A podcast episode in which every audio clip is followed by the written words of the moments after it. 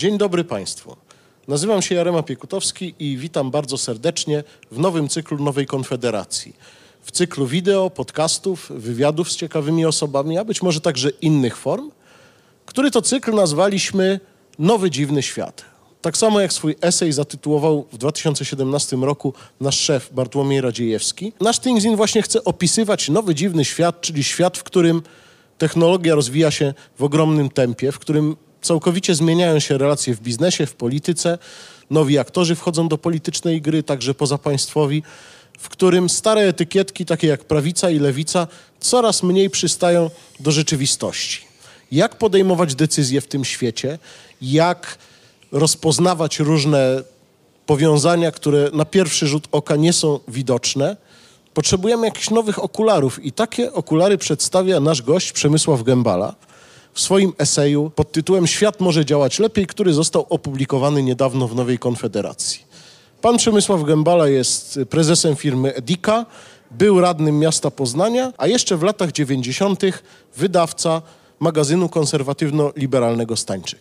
Witamy bardzo serdecznie. Panie Przemysławie, tytuł brzmi Świat może działać lepiej. Co tak naprawdę w tym świecie źle działa? Niektórzy mówią, że jest coraz lepiej. Jest coraz lepiej, bez wątpienia. Są nawet na ten temat książki, e, które ukazały się w języku polskim. Jest Factfulness e, Roslinga, jest e, Pinkera Nowe Oświecenie. Natomiast co należy i co można poprawić? Wszystko. Świat jest napędzany, nasz świat, świat ludzi, kumulacją wiedzy, ilością informacji, e, prędkością, z jaką ta informacja się rozprzestrzenia i dostępnością do niej. Im więcej informacji, im większa szybkość jej wymiany i łatwiejsza dostępność bez pośredników, czyli ta bezpośrednia internetowa, tym szybciej zachodzą zmiany w świecie. A jeżeli zachodzą zmiany, to tym szybciej to, co przynosiło nam sukces osobiście, nam jako społecznością, przestaje być aktualne. I to, co było dobre, staje się takie sobie, a za chwilę będzie wręcz szkodliwe. Zmieniać trzeba wszystko, jak to kiedyś proroczo e, w Alicji po drugiej stronie lustra opisał Lewis Carroll. Trzeba bardzo szybko biec do przodu, żeby stać w miejscu. I co proponuje pan w związku z tym w swoim eseju, żeby bardzo szybko biec do przodu? proponuję e, zastanowić się, proponuję mm, zdobyć wiedzę e, na temat tego, jak funkcjonuje umysł człowieka, dlaczego, jakie z tego mm, płyną konsekwencje. Musimy być świadomi, czy powinniśmy być świadomi tego, że mm, wiedza, jak funkcjonuje umysł człowieka, stopniowo się poszerza i do tej wiedzy wielu ma dostęp mają dostęp firmy, koncerny, mają dostęp spin-doktorzy, mają dostęp politycy. Stosunkowo najmniej, jeżeli w ogóle dostępu do tej wiedzy mają zwykli, normalni ludzie. E, Również ja mm, poznałem mm, tą wiedzę mm, stosunkowo niedawno i zrozumiałem, jak e, bardzo dzięki tej wiedzy e, może zmienić się wpływ na nasze własne życie. Jak bardzo przy pomocy tej wiedzy inni mogą, obracając tą wiedzę na swoją korzyść, nam wpływ na nasze życie odebrać. Pisze pan dużo o teoriach różnego rodzaju w, tych, w, tej, w tym eseju, natomiast spróbujmy sobie dzisiaj te teorie trochę przełożyć na praktykę. Pisze pan na przykład, że dzięki tym teoriom, które pan opisuje, można by było jakoś pomóc Polakom w tym, żeby zażegnać ten straszny plemienny spór, który jak widać się nasila w Polsce między Platformą i plemieniem platformerskim i PiSem, plemieniem pisowskim. Znaczy, należy sobie zdać sprawę mm, z tego, że wojny plemienne na poziomie, mm, na poziomie politycznym, e, które przenoszą się na mm, wszystkich e, politycznie aktywnych, na wyborców, na ludzi, na rodziny, nie są tylko polską specjalnością. konflikt polsko-polski e, jest e, podobny i ma, jak sądzę, te same źródła, co konflikt amerykańsko-amerykański, francusko-francuski, brytyjsko, e, brytyjsko-brytyjski. Konflikt ten bierze się z emocji, z tego, że elity, które sprawują władzę, które, e, które rządzą, zmienił się e, ich charakter w sensie pośrednictwa e, w przekazywaniu informacji pomiędzy miejscami, które, w które te informacje powstają, a ludźmi. Ludzie mają w tej chwili dostęp do informacji bardziej powszechny, szybszy, pełniejszy, ale ze względu na ilość informacji, która do nas dociera, bardzo trudno jest nam odróżnić prawdę od fałszu, prawdę od fake, od fake newsa.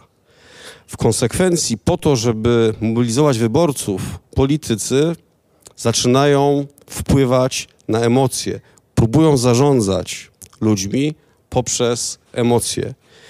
W wyniku zarządzania poprzez emocje, w wyniku ulegania tym, tym emocjom, ludzie tracą zdolność analizowania problemów, ludzie tracą zdolność e, szukania rozwiązań. Wojny plemiennej, w której są zaangażowane emocje, nie da się wygrać. E, behawiorystyka pokazuje, że ludzie rodzą się różni i takimi różnymi pozostaną nie da się ich zhomogenizować. W związku z tym nie da się zbudować trwałej większości. W związku z tym, że nie da się zbudować trwałej większości, nie da się wojna, e, wojny wygrać. Ta wojna będzie toczyła bez końca. Myślę, że jeżeli dotrze to do elit, ale również do tych, którzy jako wyborcy te elity kreują, przyjdzie moment refleksji i przyjdzie moment zmiany postępowania nie tylko w Polsce, w innych krajach. Jeżeli my poradzimy sobie z tym jako pierwsi, bez wątpienia dostaniemy handicap. Ale czy jest to możliwe, czy nam się uda, zobaczymy. Mówi Pan właśnie w swoim eseju o tym, że behawiorystyka przedstawia umysł człowieka jako jeźdźca jadącego na słoniu. Co oznacza ta metafora? Znaczy, ja mogę odpowiedzieć, co dla mnie osobiście oznacza. Dla mnie osobiście mm, ta metafora mm, oznacza oznaczała to, że musiałem zmienić swój sposób myślenia o rozmowach, o e, kontaktach, o relacjach z innymi, e, z innymi osobami, z innymi ludźmi. Musiałem zwrócić uwagę nie na to, co chcę powiedzieć, na, na logiczne argumenty, na przedstawienie tego, co chcę osiągnąć, ale musiałem zwrócić uwagę na to, e, co jest fundamentem tego, co chcę osiągnąć, co jest tą intuicją, która napędza logiczne argumenty. Gdzie tu jeździec, a gdzie słoń? Otóż intuicja jest słoniem. Intuicja podpowiada nam, co jest warte tego, żeby to zrealizować, i na tej podstawie, tej intuicji, która jest pierwotna, mm, szukamy argumentów, i staramy się te argumenty zaprezentować, ale na samej płaszczyźnie mm, logicznej, na samej płaszczyźnie argumentów nie da się porozumieć. Co gorzej, im bardziej inteligentni i rozmowni ludzie, tym trudniej jest im dojść do porozumienia. Musimy sięgnąć do źródeł swoich intuicji. Ja muszę zaprezentować, skąd wziął się ten cel, który chcę osiągnąć, ale muszę też postarać się znaleźć, jaka jest intuicja u mojego rozmówcy. Skąd bierze się ten cel, który on chce osiągnąć i co do którego wydaje mu się, że jest e, w konflikcie z tym, na czym mi zależy. To intuicją jest właśnie ów słoń. Pisze pan... A jeźdźcem jest część ta właśnie analityczno-logiczna, przy pomocy której analizujemy sytuację, staramy się znaleźć problem i go rozwiązać.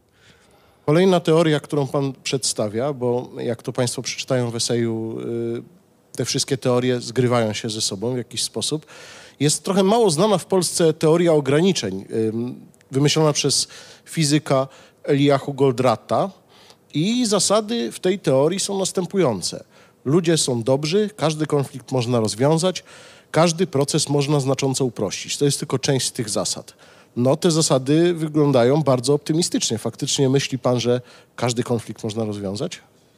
To znaczy, ja może tutaj mm, mm, sformułuję to w ten sposób, że każdy konflikt można sprowadzić do rozwiązywalnego dylematu. E, u podstaw każdego konfliktu, to znaczy chęci mm, zrealizowania e, działań wzajemnie sprzecznych, które prowadzą do tego samego, e, wydaje się, celu, są pewne ukryte założenia, paradygmaty, wypracowane, wypracowane sposoby działania. Jeżeli uda nam się konflikt, za którym zawsze idą emocje, sprowadzić do rozwiązywalnego dylematu, to mamy szansę mamy szansę e, go rozwiązać, ten konflikt zlikwidować. Tylko w dzisiejszym czasie, e, świecie, który jest bardzo zmienny, w którym wszystko się zmienia, w którym bardzo szybko to, co było aktualne, aktualnym być przestaje, zaczyna brakować czasu na, rozwiąza- na rozwiązywanie konfliktów, na zamianę konfliktów E, w rozwiązywalne dylematy. I tutaj najważniejszym jest to, żeby skoncentrować się na tych konfliktach, które są najbardziej istotne, które sterują przebiegiem zdarzeń. Tylko je opłaca się rozwiązać, ponieważ każdy konflikt daje się rozwiązać, czyli sprowadzić e, do rozwiązywalnego dylematu. Ale nie każdy konflikt da się rozwiązać, bo zabraknie na to po prostu czasu. No dobrze, a weźmy sobie taki przykład. Kłócę się bez przerwy od kilku miesięcy z moją teściową, bo ona koniecznie chce dziecko ubierać bardzo grubo i zakładać mu trzy czapeczki na głowę, a ja uważam, że to jest źle, że to dziecku zaszkodzi. Jak taki konflikt można rozwiązać w myśl tej teorii? Zejść do intuicji, do tego, co podpowiada nam osiągnięcie celu, czyli dobro dziecka. Skąd e, biorą się e, myśli, że dziecko ubrane odpowiednio lub nieodpowiednio, wyjdzie na tym lepiej czy nie. Taleb w swojej książce e, opisuje bardzo ciekawy, e, w swojej książce Antykruchość, bardzo ciekawy przykład e, tego, jak zadaje mm, w dwóm rozdziałom poświęconym jatrogenii, czyli mm, szkodliwym zastosowaniom medycyny, jak mm, zadaje pytanie lekarzowi na przykład, dlaczego do rozbitego nosa trzeba przyłożyć lód Przecież nos e, rozbity człowieka był rozbijany w historii nieraz i wie, co powinien robić. I opisuje, jak na to pytanie nie dostaje od lekarza prawidłowej odpowiedzi, prawidłowej.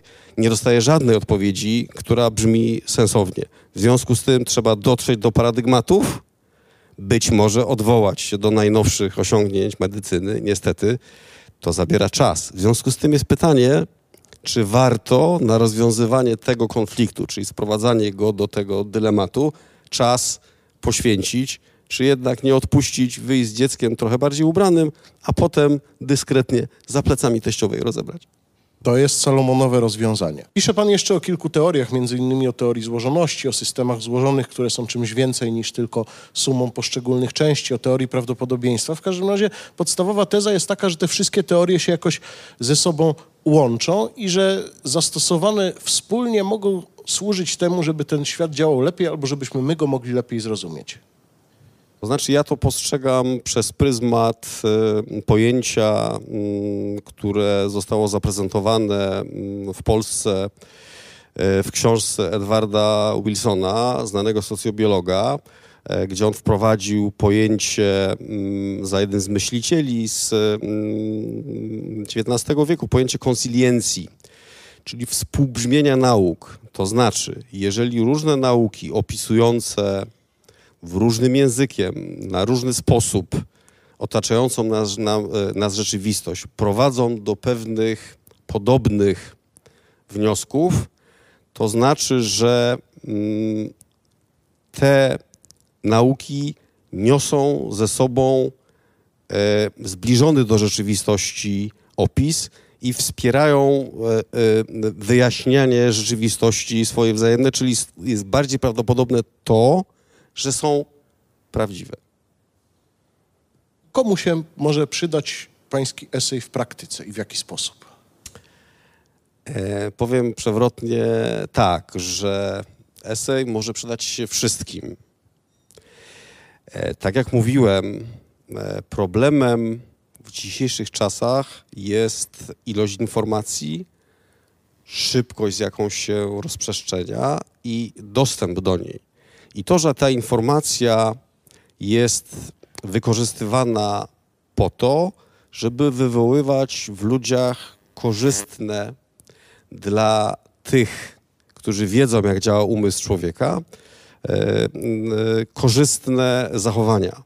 Jeżeli my nie jesteśmy świadomi do końca, jak ten umysł człowieka działa, jakie chwyty można zastosować, żebyśmy się zachowali w jakiś sposób w supermarkecie, w aptece, przy urnie wyborczej, to tracimy wpływ na nasze, na nasze życie.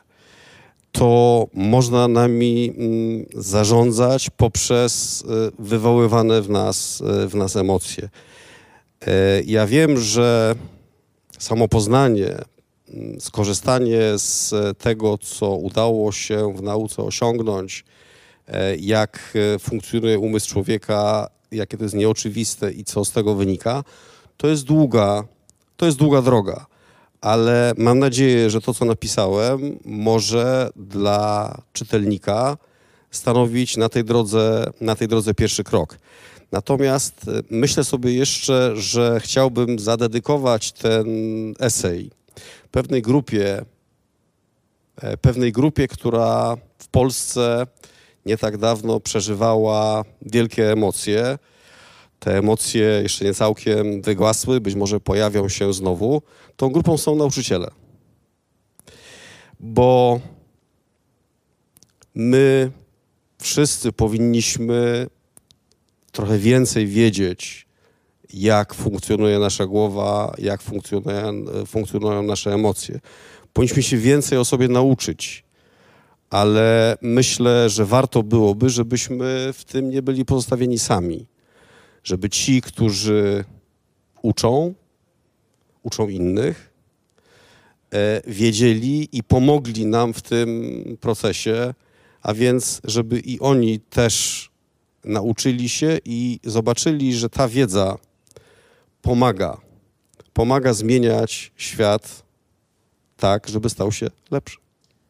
Dziękuję bardzo. Naszym gościem był Przemysław Gębala, a ja bardzo serdecznie zapraszam Państwa do przeczytania eseju pod tytułem Świat może działać lepiej na stronie www.nowakonfederacja.pl w zakładce eseje. Dostaną Państwo nowe okulary, dzięki którym będą Państwo mogli na nowo spojrzeć na świat. Bardzo dziękuję Państwu za uwagę i zapraszam na kolejne podcasty wideo Nowej Konfederacji.